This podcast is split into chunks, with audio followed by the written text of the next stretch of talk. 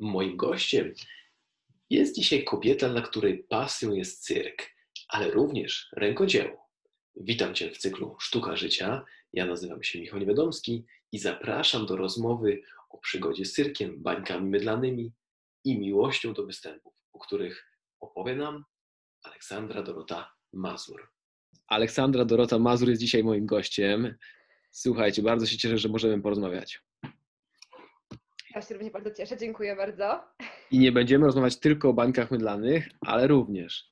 Więc powiedz mi na rozgrzewkę, jaką e, książkę mogłabyś mi polecić i naszym słuchaczom? To zależy z jakiej tematyki tak naprawdę. A w ostatnim czasie mogę polecić tylko takie bardziej finansowe z branży nieruchomości, ze sprzedażówki, z marketingu, bo ostatnimi czasy tylko takowe czytam, a więc przechodząc do tytułów, to mogę polecić Daniela Siwca e, o nieruchomościach, wszelkie jego książki od e, jak zarabiać na flipach, przez nowoczesny inwestor. E, genialnie pisze, bardzo proste, czyta się po prostu jednym tchem. Do tego polecam Karola Fronia, zdecydowanie 100 taktycznych zasad przywództwa i sprzedaży. To są dwie różne książki. E, także tego polecam. A i jeszcze techniki sprzedaży, także Fronia. Także, mhm. także takie w ostatnim czasie czytałam. Rozumiem. A ja taka książka, która coś tam zmieniła w Twoim życiu, która tak poruszyła Ciebie, mm, może być nie tylko sprzed ostatniego miesiąca, bo widzę, że czytasz dużo książek, e, ale e, jakbyś miała coś mm, takiego, które Cię tak dotknęła emocjonalnie. E, może zabrzmi trochę tak zwyczajnie, ale mały książę. Mały książę, tak, ma dużo wartości w sobie, takich, które na każdym etapie życia można przełożyć, ale jeszcze spoza takich zwyczajnych, które już każdy zna zazwyczaj, to jeszcze potęga podświadomości. Mhm. Tak, tak. E, też się dziwiłam, że taka książka może cokolwiek zmienić w moim życiu i może to nie, był, nie było jakieś wielkie wow, że o matko, od, od ostatniej kartki zmieniłam całe swoje życie, no bo tak nie było, taka prawda, że to tak nie zmieniło mojego życia, ale pobrałam wartości z tej książki, które coś mi dały, zmieniły Aha. moje myślenie trochę, a zrobiłam trochę zmian w swoim życiu i było takim punktem istotnym w, w moich dniach. Bardzo ciekawe, ale to podlinkujemy te książki, żeby ktoś mógł sobie zobaczyć, jak one wyglądają i żeby mógł sobie też poczytać. A jeśli ktoś nie czyta książek, hmm, bo może stronie oczywiście go do tego namawiamy, ale powiedzmy siada na kanapie wieczorem i chciałby sobie coś e, obejrzeć, to jaki film jest taki twój numer jeden, do którego potrafisz wracać kilkakrotnie? O kurczę, i to już jest pytanie gorsze, bo ja bardziej w książkach niż, niż w filmach, dlatego że z racji, no jednak czas jest bardzo cenny i nie ukrywam, że nie mam czasu na filmy, tylko bardziej na książki albo na naukę, studia i pracę i różnego tego typu rzeczy, ale co mogę polecić? Oglądałam jakiś czas temu bardzo słynny film jak Joker e, i powiem szczerze, jak wyszłam z kina, takie hmm, kurczę, dobre, dobre i tak może nie jakieś bardzo, bardzo, tak, że Aha. poleciłabym, że każdy musi punktem w życiu e, zaznaczyć ten film, ale daje dużo do myślenia też, takich większych rzeczy i daje trochę do przemyślenia, więc polecam. Ja też rzeczywiście Jokera oglądałem i też e, dał mi takie nowe myśli o tym, że hmm, czasem człowiek może egzystować w świecie jako normalny, zdrowy, a się okazuje, że nie do końca tak jest.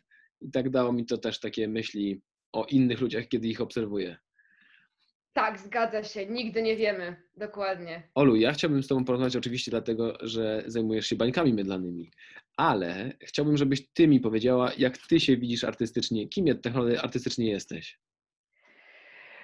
Kim ja jestem artystycznie? Zwierzę, zwierzęcym, zwierzęciem scenicznym, tak to mogę określić. ale tak naprawdę, kim jestem na scenie, um, ciężko to jednoznacznie określić, dlatego że tworzę różne wizerunki sceniczne. E, dlatego, że występuję zarówno dla dzieci, jak i dla dorosłych. I to są zupełnie inne wizerunki, e, jakie przedstawiam. E, jeżeli miałabym określić, kim jestem dla dzieci, to tak naprawdę jest to postać często mm, nie jakaś konkretna, że jestem, mm, nie wiem, przypuśćmy panią Zosią, tak? Ale bardziej kimś, kto jest akceptowany dla dzieci, kimś przyjaznym, e, bardziej w tym kierunku. Jeżeli chodzi o pokazy dla dorosłych, e, to wiadomo, tu już zupełnie inny charakter osoby wkracza na scenę, inne ruchy wykonuje, e, pozwalam sobie często na więcej rzeczy, tak? Więc y, to ma takie zasadnicze rozgraniczenie między pokazami dla dorosłych, a mhm. pokazami dla dzieci. E, więc jakby idę bardziej w taką fabułę, jeżeli chodzi o dzieci. A dla dorosłych też oczywiście jest fabuła, ale zupełnie inna. No dobra, czyli dla dzieci bardziej czujesz się jako mm, taki animator czasu wolnego dzieciaków, e, czy bardziej robisz z nimi warsztaty, albo, albo dla to, nich występujesz? E, to są jeszcze kolejne kwestie, bo jakby zajmuję się i także animacją dla dzieci, mhm. to jest jedna działka. Są to animacje oczywiście tematyczne jak najbardziej, E, ale nie tylko, po prostu jest to animacja w hotelach na przykład, gdzie często nie ma tematu, jest jakaś fabuła, tak, ale nie ma konkretnej postaci z bajki na przykład. Aha. E, robię też warsztaty cyrkowe dla dzieciaków, e, pokazy cyrkowe też i pokazy bubble show, to są po prostu pokazy innego rodzaju. Więc to są różne formy i, i stosuję wiele jakby jak to określić, technik osobowości tak naprawdę, e, jakby staram się być, mm, czy mieć zawsze siebie, pokazywać dzieciom, bo to jest najważniejsze, ale móc pokazać różne odsłony i różne charaktery siebie. Rozumiem. No dobra, a u, przy pokazach dla dorosłych, w jaką postać się wcielasz najczęściej, albo jaką część e, artystyczną e, kochasz najbardziej? Um, jeżeli mówimy o pokazach Bubble Show stricte, mm, to mhm. jest głównie taki klasyczny pokaz, e, gdzie ciężko określić konkretną postać, tak? To jest bardziej taki klasyczny numer, gdzie oczywiście jest określony styl muzyki, tak? I dany jakiś klimat, ale nie ma konkretnej postaci, że jest jakaś jedna dana postać i, i wokół tego jest jakaś historia. Jest on bardziej takim klasycznym pokazem, na przykład w charakterystyce lat 30 przypuśćmy. Albo taki totalny klasik, gdzie nie ukrywam, e, musi błyszczeć wszystko, jest pięknie, ładnie. e, pokazuje coś innego, czego nie pokazuje dzieciom, czyli przede wszystkim e, zachowuje się inaczej. Dzieci bardzo często biorę na scenę większej ilości na przykład. Jeżeli chodzi o pokaz tylko dla dorosłych, to oczywiście też ich biorę, ale wykonuję inne triki niż dla dzieci. Dlatego, że dzieci trochę patrzą na inne rzeczy i oczekują ode mnie czegoś innego, a dorośli trochę czegoś innego. I teraz pewnie będzie pytanie, co to jest to coś innego? Nie, no domyślam się, że dostosowujesz atrakcję i sposób komunikacji do tego, z kim rozmawiasz. Czy jest mały, tak, czy jest dokładnie. dorosły. No tak, właśnie. dokładnie. To jestem w stanie sobie zrozumieć i myślę, że nasi słuchacze również, ale chciałbym się cofnąć o kilka kroków wcześniej, czyli jak to się stało, że zaczęłaś zajmować się taką szeroko rozumianą sztuką cyrkową? W dzieciństwie. To już zdarzyło się tak od małego, ponieważ w naszej miejscowości, gdzie kiedyś mieszkałam, e, w, rodzinnych, e, w rodzinnej miejscowości, przyjechał cyrk. I ja wybłagałam od mojego taty, tato, tato, proszę pójdźmy do cyrku. Tata niechętny, bo dla niego taka forma rozrywki e, nie jest sztuką, ale udało mi się wybłagać żebyśmy poszli e, do tego cyrku. I kiedy po programie po prostu jak zobaczyłam to, to, co tam się dzieje, mówię, ja muszę tam występować. Ja tam będę kiedyś na tej arenie występować, ja tam muszę być. Ale jak to mój tata, mm, z racji, że nie uznaje tej formy sztuki, no to stwierdził, żebym się zajęła czymś normalnym w życiu. No i jak to dziecko e, do serca sobie takie rzeczy bierze? Ja tam miałam pięć, może sześć lat tak naprawdę, więc wiadomo, dziecko się kształtuje tak naprawdę i przyjmuje wszystko to, e, co mówią rodzice. I jakoś tak w dzieciństwie ta pasja trochę zanikała, dlatego że była tłamszona przez rodziców, ponieważ Aha. artysta to nie, jest, to nie jest zawód, który daje przyszłość to może być jakieś takie hobby dodatkowo, ale nie może być nigdy sposobem na zarabianie, bo jest niepewne, bo, bo nie jest czymś, co daje prestiż w społeczeństwie. Mhm. E, I zapomniało się o tym. I jakoś tak w liceum odnowiło się trochę przez to, że e, uczęszczałam do teatru ulicznego, tam grałam spektakle, też jeszcze grałam w innym teatrze fizycznym, też jeździliśmy po Polsce ze spektaklami No i tak się jakoś odnowiło trochę. Potem doszedł Teatr Ognia, całe kuglarstwo, więc stwierdziłam, że może pojadę na egzaminy do szkoły cyrkowej. E, znajomy coś tam kiedyś wspomniał, że a, weź przejedź się, zobaczymy co wyjdzie z tego, nie? No i tak stwierdziłam, że no to się przejadę. No i przejechałam się. No i na egzaminach dostałam się. I tak się zaczęła cała przygoda. Potem wyjechałam do szkoły cyrkowej i tam zaczęłam swoją pasję już mocniej rozwijać. Okej, okay, czyli tak naprawdę od takiego etapu, w którym do końca rodzina nie do końca jest przekonana, żeby się tym zajmowała, do momentu, że pojechałaś do szkoły cyrkowej, no to musiałaś przejść taką dużą drogę. Jak oni na to, kiedy powiedziałaś im, że słuchajcie, no już teraz nie będę się bawić tylko w teatr uliczny, tylko po prostu jadę do szkoły cyrkowej? E, no, tata jak się dowiedział, to tak popatrzył na mnie, powiedział, mhm, wyszedł z domu i trzasnął drzwiami. To było dość przykre, bo tak stałam, pamiętam to jak dziś, stałam po prostu w drzwiach w kuchni i powiedziałam to. I to było takie mocne przeżycie, po prostu takie, mhm, minął mnie, wyszedł z domu, trzasnął drzwiami i tyle. Tak, po czym kilka dni później powiedział, że no i co planujesz robić dalej? To powiedziała mniej więcej, jaka była moja wizja. E, potem jeszcze liczył, że po pierwszym roku mi minie, jak się pobawię mhm. chwilę. I na koniec pierwszego roku powiedział: Bawiłaś się już? Wystarczy? Wracasz do normalnego życia? Po czym powiedziałam, że nie, nie przeszło mi dalej. No i powiedział: Już rób co chcesz. Okay. Ale nadal, nadal jakby daje mi do zrozumienia, że przyszłości z tego nie będzie. Rozumiem, rozumiem. No tak często bywa. Wielu artystów cyrkowych też tak ma, że jeśli ich środowiska, z których się wywodzą, nie są e, z cyrku, to, to nikt tego nie traktuje poważnie i często pojawia się pytanie, a kiedy znajdziesz pracę normalną, a i tak dalej, i tak dalej. Ale zastanawiam się, co było w tobie takiego, co nie pozwalało ci przerwać. Co jest w tej szkole, co jest tej sztuce cyrkowej, mm, co tobie personalnie nie pozwala jej zostawić? Właśnie, to jest coś, co bardzo ciężko opisać i wytłumaczyć innym ludziom, e, bo to jest coś z zewnątrz tak naprawdę widzi się barwne kostiumy, e, prestiż bycia w środku uwagi, w całym centrum publiczności, tak naprawdę, okej, okay, zgadzam się z tym jak najbardziej. Bycie poniekąd w centrum uwagi przez jakiś czas i poświęcona atencja widzów na ciebie jest czymś mega, tak? I, i podkręca to nasze ego. No nie ukrywam, bo tak ma większość artystów. Ale jest to coś więcej, naprawdę. To daje mi tak niesamowite uczucie i poczucie tego, że żyję. Bo jest mi naprawdę bardzo źle, kiedy nie występuję i, i, I to się odczuwa, no teraz, kiedy jest wiadomo, co jest na świecie, no to chyba każdy odczuwa z nas y, taki brak, brak tego, że chce się do ludzi, chce się wyjść, chce się pokazać to, nad czym od lat się trenuje. I to jest niesamowite. To hmm wiadomo, te kostiumy są dodatkiem takim, tak, bo jest to podkreśleniem tego, co robimy, tak, żeby to wszystko, co robimy, wyglądało ładnie, estetycznie i zachwycało widzę tak w stu procentach, tak. Kostium to jest taki dodatek, taka wisienka na torcie do tego, co trenujemy przez wiele lat. Mhm. I, I brakuje mi tego pokazywania się ludziom, tego dostania energii od nich, że im się to podoba. Brawa, zachwyt, okrzyki często. To jest coś niesamowitego. Rozumiem. A powiedz mi, bo już masz za sobą wiele, wiele występów. Liczysz e, te występy, czy nie?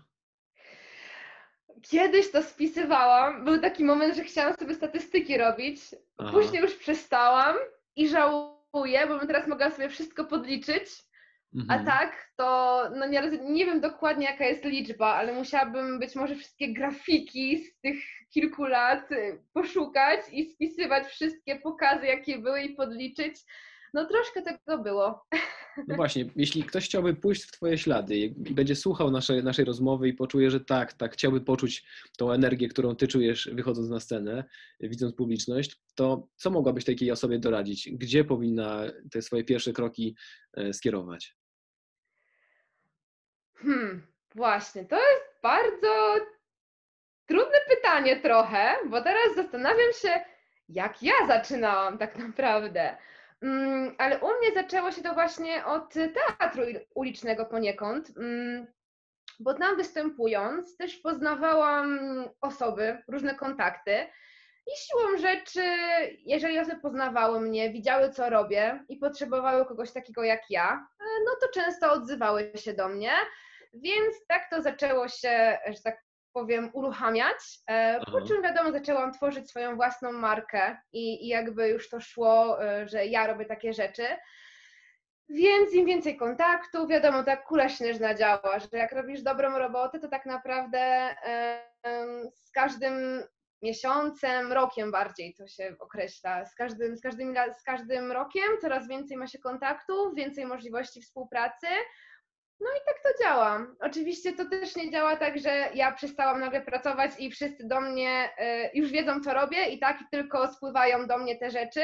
To też nie jest tak do końca, bo jakby nas artystów jest dużo i każdy robi niesamowite rzeczy, więc jakby jest duża, no nie ukrywam tego słowa, konkurencja, tak? To słowo mhm. istnieje. Często niektórzy mówią, że nie ma konkurencji, są ludzie po fachu, y, ko koledzy po fachu, tak? Okej, okay, każdy ma swoje inne jakby zdanie na ten temat. Ja uważam, że jest konkurencja, tak? To nie jest jakieś mega złe słowo, moim zdaniem. E, więc wracając, jakby ludzi po naszym fachu jest sporo, więc jakby jest spora konkurencja i to też nie jest tak, że e, do mnie tylko się zgłaszają ludzie i ja po mhm. prostu jadę i robię. Jakby też staram się pozyskiwać nowych klientów, tak?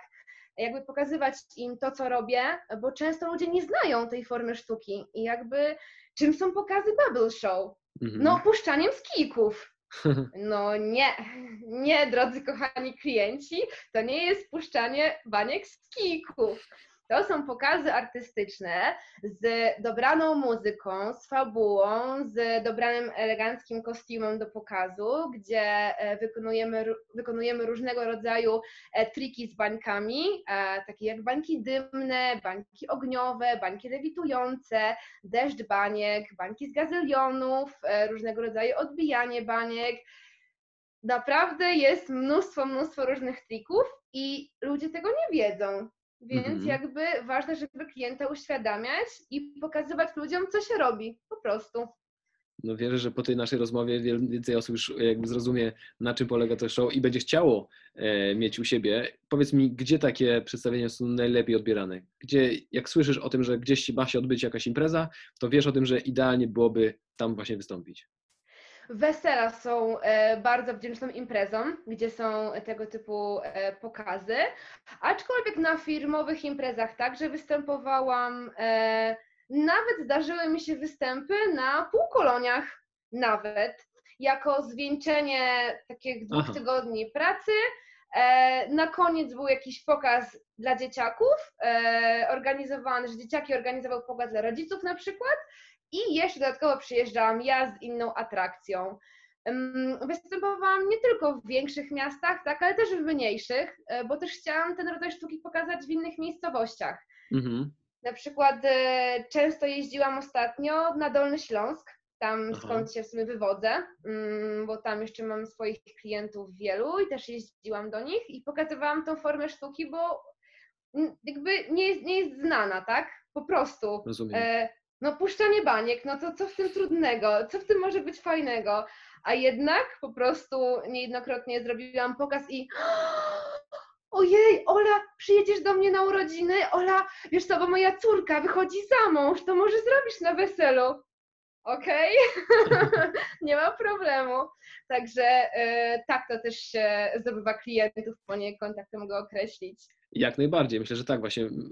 To było moje pytanie, które trochę uprzedziłaś, że czyli co tak naprawdę ci klienci kupują od ciebie? Czy oni kupują te sznurki, płyn e, i kostium i muzykę, czy oni raczej kupują to doświadczenie, to zaskoczenie i, i jakby tą miłą zabawę, w której zapominają trochę o, o całej reszcie, prawda? Tak, dokładnie. Oni kupują um, te emocje przez te pół godziny pokazu na przykład, tak? Kupują te niezapomniane chwile które e, pozostają na wiele lat tak naprawdę, bo nie jest taka zwykła rozrywka, tylko ten moment zapomnienia, że nie myślimy o tym, o tym wszystkim, co jest dookoła nas, tylko e, patrzymy i widzimy, co można robić z zwykłych baniek mydlanych, jaką utworzyć historię.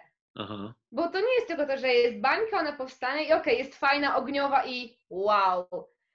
Ale kurczę, można taką historię przekazać e, w tych całych pokazach, dać ludziom takie wow, że e, pamiętam, jak po jednym z pokazów miałam taką e, historię, że pani ze łzami w oczach do mnie podeszła i powiedziała: To było niesamowite, naprawdę. To było coś tak niesamowitego, zapomniałam na chwilę o wszystkim. Pokaz był cudowny. Ja takie, wow, no jakby bardzo mi miło i to było takie, takie się ciepło na sercu zrobiło, bo to jest taka kolejna właśnie e, strona jakby tych wszystkich pokazów, że robimy, ok, bo chcemy czuć się poniekąd docenieni, jest nam dobrze z tym, że nas ktoś ogląda, ale druga rzecz, dajemy ludziom swoją energię, swój charakter, coś od siebie, co ludzie odbierają w często bardzo niesamowity sposób. Bo, bo to nie, bo to, bo to są łzy, bo to jest takie, o matko, to było niesamowite, po prostu. Ten moment zapomnienia, że e, widzowie mogą odpłynąć od swoich problemów, to jest niesamowite. Że ktoś przychodzi na godzinny pokaz i przez godzinę nie myśli o tym, ile ma prania do zrobienia, nie myśli o tym, ile to telefonów teraz do niego dzwoni, nie myśli o tym, że szef go e, non-stop o coś prosi, że nadgodziny musi wyrobić. To jest godzina relaksu. Super. Aż miło się tego słucha, aż mi się chciało mm, to zobaczyć. Dobra, no to miałem oczywiście zapytać o to później, ale gdzie można Ciebie e, znaleźć w internecie, gdzie można się z Tobą połączyć i Ciebie poprosić o takie występy? E, o pokazy Bubble Show można poprosić mnie przez fanpage'a na przykład Cyrkowe Atelier Events.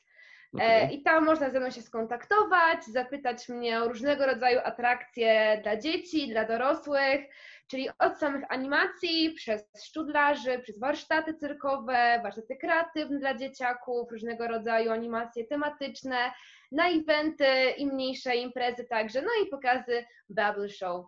Mhm. Także, także tak. Dobra, podlinkujemy, żeby wszyscy, którzy jeszcze nie wyłapali e, dźwiękowo, to będziemy mogli sobie kliknąć i Ciebie znaleźć. Powiedz mi tak jeszcze o strony takiej technicznej, czy są jakieś miejsca, w których nie możesz wystąpić?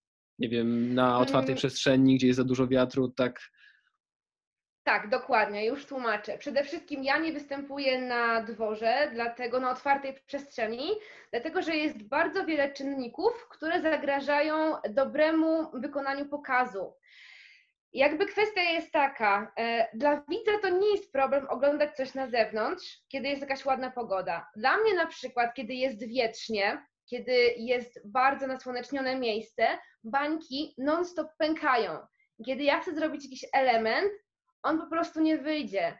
I widz odbiera to w kwestii, ja nie potrafię. Okay. E, widz nie odbiera tego w kategorii ojej, jest za słonecznie, ojej, wieje, tylko nie, mhm. ona nie potrafi tego zrobić. E, więc właśnie, kwestie baniek mają sporo ograniczeń tak naprawdę. E, na przykład, kiedy się robi płyn do pokazów. E, bo wiadomo, płyn nie jest jakiś kupny, że ja kupuję, jadę do sklepu przed pokazem, biorę płyn z półki i jadę na pokaz. Nie, Aha. płyn jest skrzętnie gotowany, tajemną recepturą przed pokazem. E, no, staram się około 5-6 godzin wcześniej go zrobić, dlatego że on musi, muszę go sporządzić, on musi odstać. Aha. E, nie może stać za długo, bo będzie już nieużyteczny. E, za krótko też nie, bo, bo musi się odstać, że tak powiem, mm-hmm. w cudzysłowie. E, nie może być w miejscu za gorącym, nie może być w miejscu za zimnym. E, jeżeli chodzi o miejsca już docelowe, gdzie będzie pokaz, no to przede wszystkim nie może być klimatyzacja włączona. Okej, okay, czyli trzeba wyłączyć klimatyzację na czas występu. Tak, dokładnie, więc standardowo jak przyjeżdżam na przykład na miejsce wesela, to liczę, za ile będzie pokaz, ile potrzebuję na rozłożenie, jaka jest mniej więcej temperatura w sali, gdzie będę występować.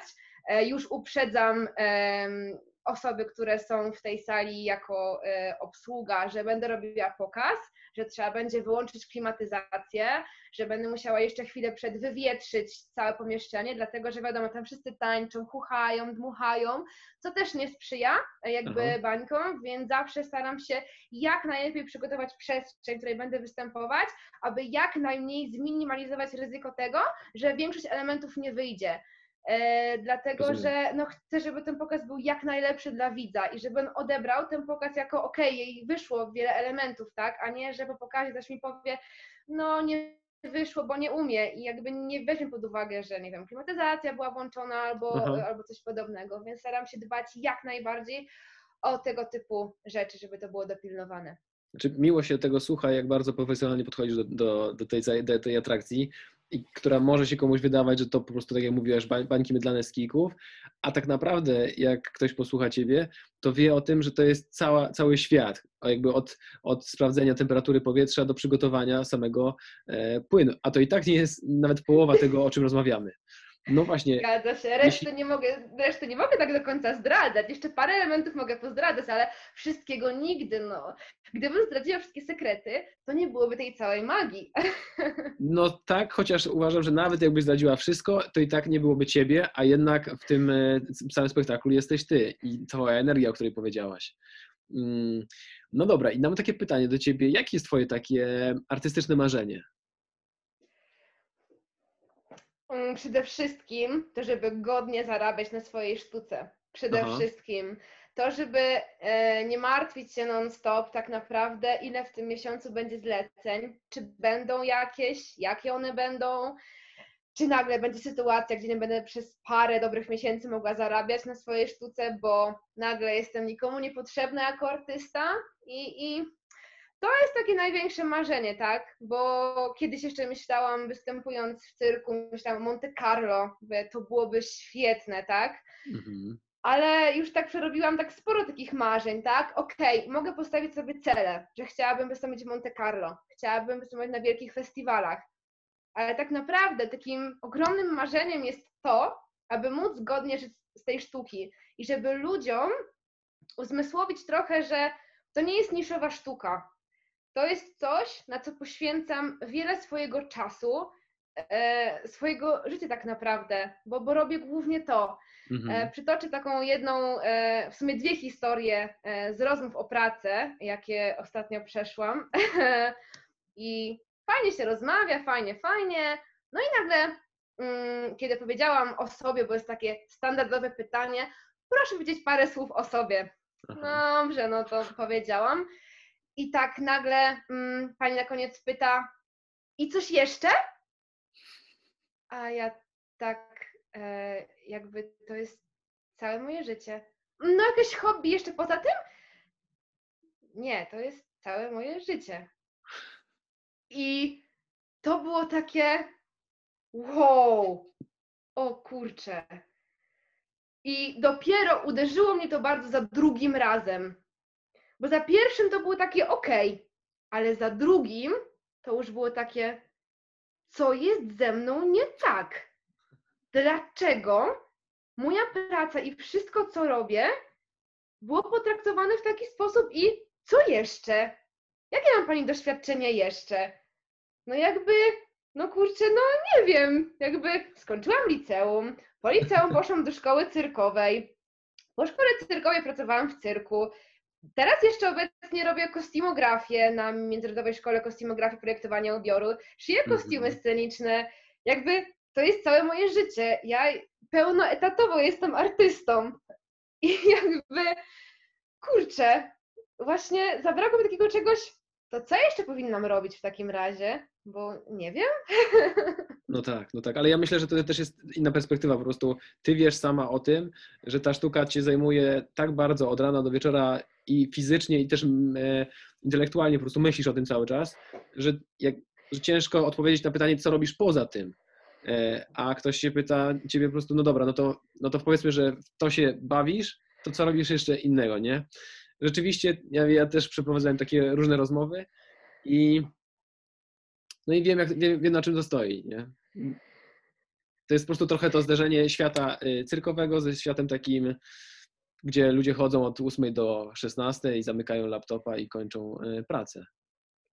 Tak, ja też nie wiem do końca, jak polega takie życie właśnie, że jest 8-16 praca i ja też może trochę tego nie rozumiem, bo jakby nigdy nie pracowałam na etacie. Ja zawsze mhm. robiłam swoje, tak? Mhm. I, I staram się wyobrazić, jak to działa, że jadę o 8 do pracy, jestem do 16, zamykam laptopa i nie myślę o tej, nie myślę o tej cudzej firmie, tak? Bo to jest czyjaś firma, czyjaś marka, Aha. czyjś brand. Zamykam i nie wiem, myślę o tym, co będę robiła za chwilę ze znajomymi, tak? Ze znajomymi, po prostu, co zrobimy. Otóż nie, ja po prostu myślę cały czas o swojej marce, o firmie, co zrobić, żeby zwiększyć przychody tak naprawdę, żeby żyć, żeby godnie zarabiać tak naprawdę i pokazywać ludziom, że to nie jest coś niszowego.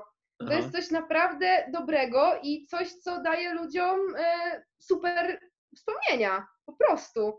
Mhm. Olu, a co jest, takim... co jest najtrudniejsze dla Ciebie w tym e, Twoim zawodzie?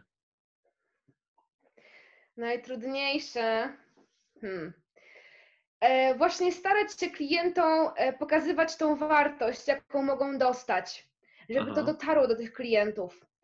E, bo część klientów wie, co może otrzymać, bo są na tyle świadomi tego, co oferujemy, a część klientów nie i ona jest zamknięta na te wszystkie rzeczy.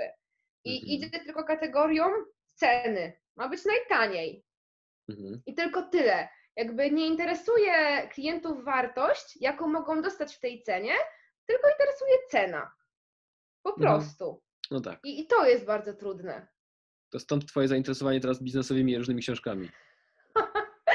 Czy, mm, czy teraz? Tylko teraz nie. Od dłuższego czasu tak Aha. tak naprawdę. E, dlatego, że jakby artyzm to jedno, ale warto w tym całym artyzmie myśleć o tym, jak to pokazać dobrze klientowi. Bo samo mhm. być artystą mm, to, to jedno, tak? ale jeżeli chce się zarabiać na tym i robić tylko to, to jeszcze jest druga strona medalu. Oczywiście ja jakby nie jestem zamknięta tylko na artyzm i nic więcej. Jakby staram się budować też in, inne formy finansowania, Aha. bo jak wiadomo, co się dzieje na świecie, tak? No okay. właśnie, to jest, to jest, też moje takie pytanie. Co byś, co, miała, co byś robiła, gdybyś nie zajmowała się szeroko rozumianą sztuką cyrkową? Ojej, pierwsza myśl to umierałabym, bo bez tego naprawdę ciężko jest żyć. E, taką jeszcze jedną historię tutaj wtrącę, odnośnie tego, jak bardzo potrzebuję występów. E, kiedy była pierwsza fala mm, wirusa i kiedy już nic nie można było totalnie robić. I czuło, czułam się tak pusta. Tak mówię, matko, nic się nie dzieje, jest mi strasznie źle.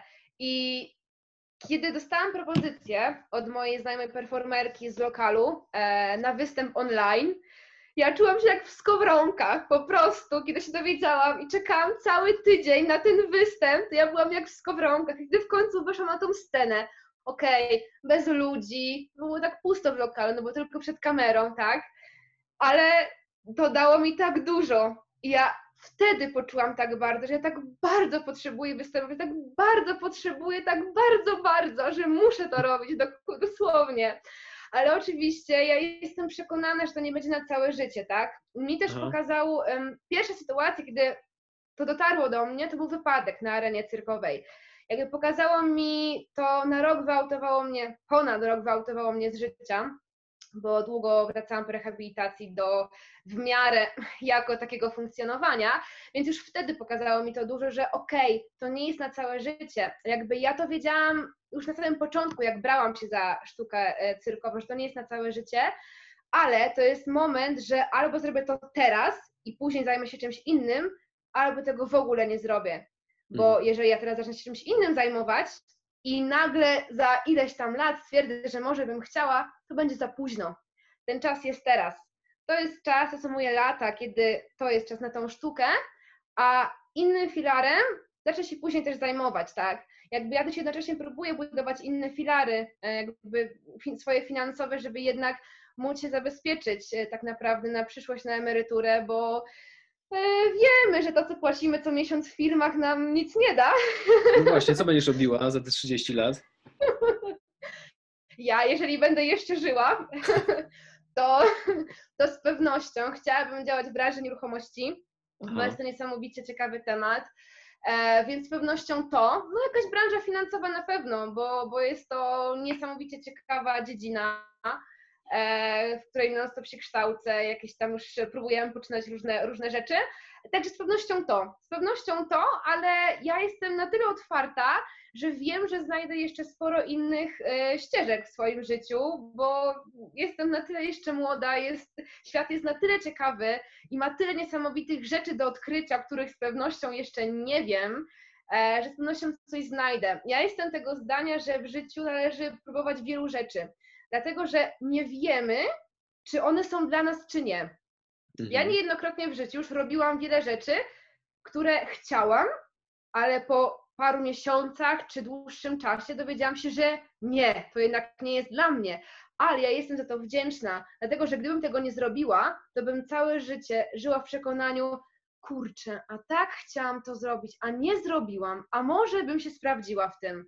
A tak wiem, zrobiłam to, to totalnie nie jest mój kierunek i jestem wdzięczna za to, że wiem, że nie, bo już mam odhaczone ten, ten punkt i idę do kolejnej rzeczy a wiem, że ta dana rzecz jeszcze pokazała mi w drodze, w tym czasie trwania, jeszcze parę innych rzeczy, parę innych emocji, które wiem, że na przykład nie chcę ich doświadczyć i, i wiem, jak ich unikać.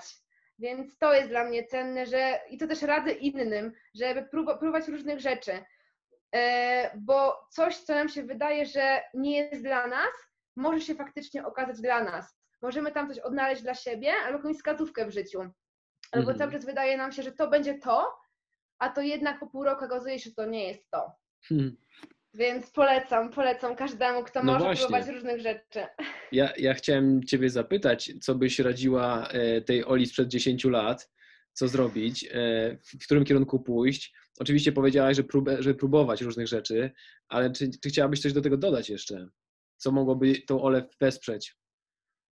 Przed 10 lat, ja miałam wtedy 13 lat. Hmm, co ja bym sobie poradziła? Na pewno to, przede wszystkim to, żebym wcześniej chciała żyć na swoich zasadach.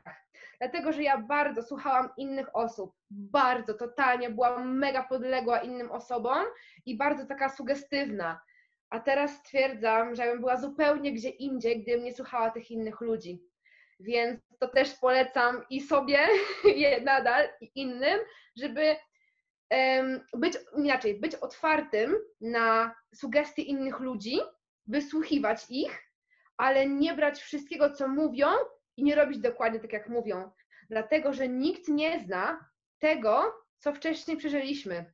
Nikt nie zna naszych uczuć, naszych emocji, tego, co wcześniej nam się wydarzyło w życiu i nie za naszego stanowiska, nie za sytuacji, w jakiej jesteśmy i naszego poziomu myślenia o danej rzeczy. Więc może doradzić, zobaczyć, co widzi z zewnątrz, ale nigdy to nie będzie odpowiedź na 100%, bo on ma inny poziom myślenia, ta inna osoba, a ja mam inny. Ja mogę wysłuchać, przemyśleć, przepuścić przez siebie, przefiltrować i zobaczymy, co z tego zostanie tak naprawdę. Ale radziłabym nigdy nie robić tak, że non-stop obserwować innych, patrzeć i robić to, to, dokładnie to, co oni, tak? i mówić, i słuchać tego, co mówią i robić tak jak oni. No nie do końca, bo to są zupełnie inny poziom energii, jakimi e, dysponujemy, więc słuchać innych, ale przypuszczać przez takie sitko, jakim, jakimi jesteśmy my sami. Świetnie, no postawię tutaj kropkę, bo czuję, że moglibyśmy rozmawiać jeszcze dalej i dalej i tematu byśmy nie wyczerpali, ale cieszę się, że mogliśmy porozmawiać i że mogłem poznać Ciebie jeszcze bliżej. Dziękuję również bardzo, było mi bardzo miło wierzę, że wszyscy nasi słuchacze też wyciągną z tego jakąś lekcję i będą mogli Ciebie odszukać i nawiązać kontakt. Powiedz mi tak jeszcze e, poza mm, życiem zawodowym, tak prywatnie, to gdzie chodzisz na spacery, gdzie można Ciebie spotkać na kawie na przykład? No teraz tak ciężko, e, bo wiadomo. ale można do mnie napisać, e, na przykład na Instagramie Carmen Del Fuego, mm, bo też jest mój, moja inna postać sceniczna. Zapraszam do zapoznania się, ktoś chce się dowiedzieć więcej o mnie. Mm, cyrkowe Atelier Events e, czy Aleksandra Dorotę na Facebooku. E, teraz przemieszczam się na Ursusie głównie, ale że pracuję sporo z domu, bo tutaj tworzę większość swoich rzeczy, jeszcze się uczę nadal, więc jakby głównie tutaj a wychodzę głównie na Ursusie. Też na Pradze często, także najlepiej zadzwonić do mnie, umówić się na kawę i pójdziemy na jakąś taką, tak, na wynos. Tylko Tu- teraz. No tak, teraz tak. więc- Ale może, może jak ktoś nas słucha, który już jest po tym całym wyjątkowym okresie, będzie łatwiej mu e, wziąć cię na spacer. Tak, tak, ale zapraszam, w ogóle ja jestem bardzo otwarta na takie rzeczy, bo ja uwielbiam takie tematy, że ktoś do mnie dzwoni i proponuje gdzieś wyjście, to jest w ogóle super, bo ja uwielbiam kontakt z ludźmi, ja muszę wychodzić, ja muszę rozmawiać z innymi, bo nawet dzwońcie do mnie, czy przez telefon, czy na Whatsappie, czy na Skype'ie, czy na Zoomie, gdziekolwiek, ale dzwońcie i gadajcie ze mną, ja tego strasznie potrzebuję. Ży, życzę Ci wielu tych rozmów e, telefonicznych i życzę Ci, żeby jak najwięcej osób, które nas słuchają, zobaczyło Cię na żywo w czasie występów. Dziękuję, byłoby super. Bardzo Ci dziękuję i do usłyszenia w następnym naszym odcinku. Pa, pa. Alu. Dzięki, do zobaczenia. Bardzo Ci dziękuję za wysłuchanie naszej rozmowy do końca. Cieszę się, że jesteś ze mną. Wszystkie linki, tak jak wspomniałem, znajdziesz przy tym odcinku i zapraszam Cię do kolejnych moich spotkań.